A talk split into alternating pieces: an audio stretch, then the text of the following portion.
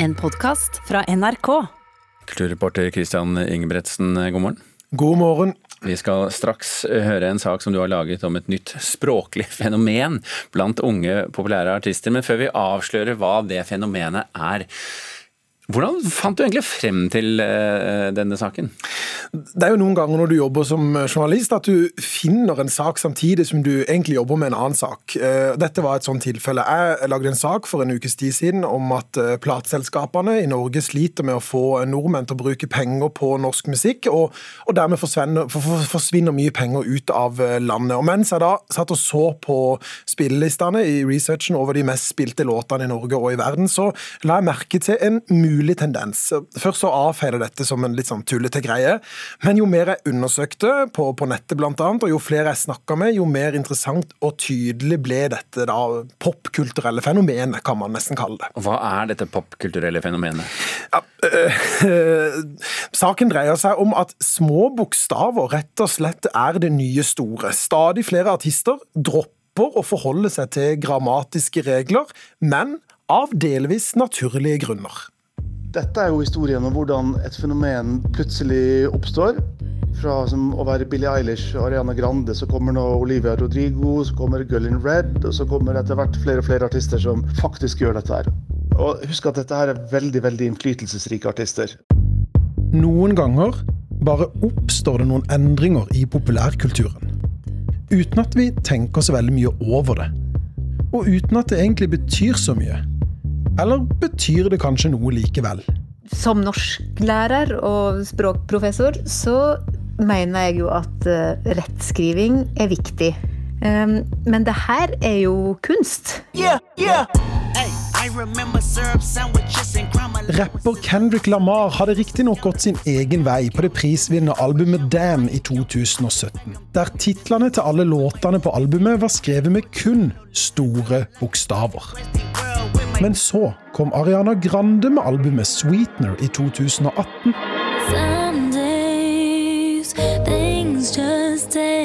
Grande hadde skrevet alle tittelsporene på albumet med kun små bokstaver. Altså uten stor forbokstav. Og så tok det rett og slett litt av. Billie Eilish gjorde det samme, her i Norge gjorde Karpe det, Girl in Red gjør det, Olivia Rodrigo gjør det. Ja, såpass mange dropper nå grammatikken at fans på YouTube, som hun du skal høre nå, har begynt å stille spørsmål. It's just something that I never really understood. Maybe their shift key on their keyboard or their phone isn't working. Skriver du Audun med stor uh, forbokstav, eller uh, pleier du bare å drite i det? På sosiale medier så skriver Audun Molde i ett ord med små bokstaver. Og Audun Molde er musikkviter. Unge musikere bruker den, eh, de verktøyene som generasjonen har. Og dette er jo en generasjon som har vokst opp med tekstmeldinger, med sosiale medier, med Messenger. Og der skriver vi uformelt, vi skriver muntlig. Randi Solheim ved NTNU har forska på språk og utviklingen av hvordan vi skriver. Hun er svært positiv til at forbildene leker med språket i eh, skolen så har elever stort utbytte av å lære å leke med språket, utforske språket, få oppdage mulighetene som ligger der. Da lærer de være kreative òg i andre sammenhenger. Og unges måte å kommunisere på digitalt påvirker ikke nødvendigvis måten de skriver på ellers. Det er ikke noe mye spor i tekstene deres at de tar seg frihet og slutter å bruke små bokstaver eller store bokstaver for den del. De klarer å tilpasse språket sitt til konteksten. Og til slutt, bare for å være helt ryddig her, så spurte vi også språkdirektør i Norge, Åse Vetås. Hvor bekymra er Språkrådet over denne utviklinga? Nei, dette er vi ikke bekymra for. Det vi tvert imot ser, er jo at store bokstaver blir brukt for mye i normalprosa. Så der er det nok noen som kan skjerpe seg litt. Så mer små bokstaver er bra, egentlig? Ja, men på rett plass og til rett tid. Ja, det var direktør i Språkrådet, det. Åse Vetås, eh, reporter Kristian Ingebretsen. Fremdeles i studio her. Prøvde du å få en kommentar fra Girl in Red? Ja, jeg prøvde det. Eh, hun er ikke så tilgjengelig om dagen, eh, så jeg fikk ikke det. Hun var på skrivetur, sa manageren til oss. Om hun da bruker små eller store bokstaver på den turen, eh, det vet jeg ikke. Det får vi vite snart. Men vi har derimot fått en prat med en annen musiker, Lasse Lokøy, som valgte å ha alle titlene uten stor forbokstav på plata hans som kom i år. Og jeg spurte han om det nå alle lurer på. Hvorfor? Mm, jeg tror jeg ble gjort oppmerksom på det um, av litt sånn ulike um, hva skal jeg si uh, artistkolleger av meg. jeg husker at jeg så Girl in Red skrive alle sangene hennes um, med små forbokstaver, så syntes jeg det var en sånn deilig estetisk følelse. Um, jeg vet jo at det, på en måte, det å fjerne den store forbokstaven, nå som det er automatisk eh, sånn, Det går, kommer jo automatisk hvis du skriver en melding. Um, at det kommer en stor forbokstav. Men, men, i utgangspunktet så føltes det mindre påtatt ut. Selv om det er mer påtatt eh, å skrive det ja, uten den store forbokstaven. Så hva slags følelse er det du på en måte ønsker å gi ved å droppe den forbokstaven? Nei, det er jo det at det skal føles litt mindre hva skal jeg si, formelt. Litt mindre sånn um, som en overskrift, eller hva man skal kalle det. da. Gir litt mer følelse av et kanskje sånn dikt, eller jeg vet ikke, det, det, det er bare merkelig. Det, det har en, det har en altså du, du, lager jo sak om det nå, så det er jo en, er jo en ting. Men jeg, jeg, klarer ikke å sette fingeren på det. Det er mange som gjør det nå. Kan det gå litt uh, inflasjon i det? Ja, jeg tror ikke egentlig at jeg kommer til å gjøre noe mer i det, egentlig. sånn for å være ærlig. Nå, jeg, føler, jeg, føler, at jeg er ferdig med det nå, liksom. Hvorfor det? Nei, nei sånn det, det, føltes kult ut for, eh, for, et år siden da jeg bestemte meg for at, eh, at tracklisten på albumet mitt skulle være med små forbokstav. Men jeg syns ikke det er så kult nå lenger. Men jeg syns det er kult når folk gjør sånn helt sprø ting. Sånn når liksom ja, når, du, når, folk skriver titler helt sykt rart. Jeg kan synes det er kjempemorsomt. Altså, det er jo på en måte å leke med formatet og liksom bruke det man har tilgjengelig eh, til å liksom fargelegge uttrykket. Og jeg syns det er kult når folk gjør det. Men jeg har ikke noen sånn spesifikk idé om hvordan jeg kommer til å skrive titlene mine framover. Ja, det var um det var eh, Lasse Loke du hørte der, snakket med vår reporter Christian Ingebretsen. Og vil du lese mer om hvordan fenomenet oppsto, så kan du gjøre dette på nrk.no, selvfølgelig. Denne uken så går vi jo over i juli måned. Eh, alle kinoene er åpne, og salene vil etter hvert fylles av kinogjengere på jakt etter underholdning og flukt fra hverdagen. Kanskje også til og med ly fra både sol og regn, egentlig. Men så er jo spørsmålet innholdsmessig, da. Hva kan de glede seg til? For å få svar på dette, så har vi invitert NRKs filmkritiker Birger Vestmo. God morgen, Birger. Ja, en riktig god morgen, Birger.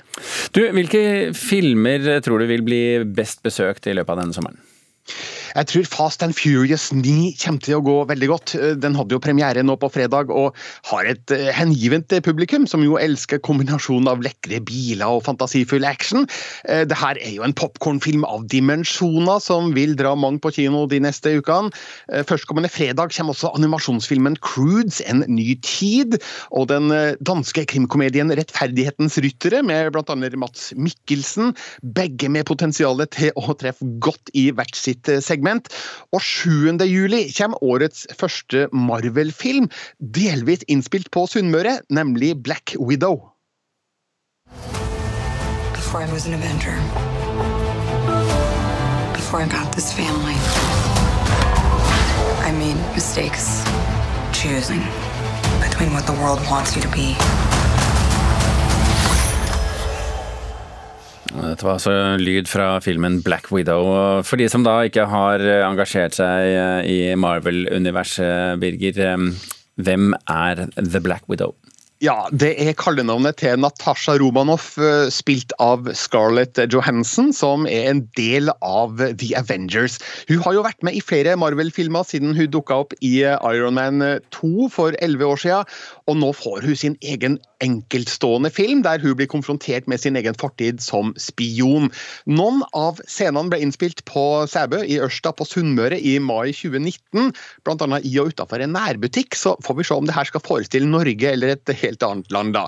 Eh, Black Widow har i hvert fall premiere på enkelte kinoer 7.7, og lanseres på strømmetjenesten Disney pluss mot betaling bare to dager senere. som også er årsaken til at ikke alle norske kinoer ønsker å vise filmen, faktisk. Mm, men apropos Norge og norske kino, kinoer, hva med norske filmer?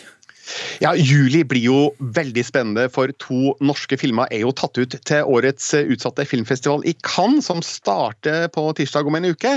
Joakim Triers 'Verdens verste menneske' deltar i hovedkonkurransen og kjemper dermed om uh, selveste Gullpalmen. Mens Eskil Vogts 'De uskyldige' deltar i det prestisjetunge sideprogrammet «Ønsert her i Regard i august får Vogt også æren av å åpne den norske filmfestivalen i Haugesund. Og bare ei lita uke etter har den norgespremiere over hele landet, mens Triers film kommer ikke før 15. oktober. Men en annen norsk film som jeg tror kan bli en kinovinner i sommer, har premiere 30. juli, nemlig Tommy Wirkolas I onde dager. Hva har du for idiotisk motiv til å ville mørde meg? Vi kan starte med at du er en løgnaktig jævla utro hore. Når tilfredsstiller du meg senest mistet to jukk, og sen skal jeg sove?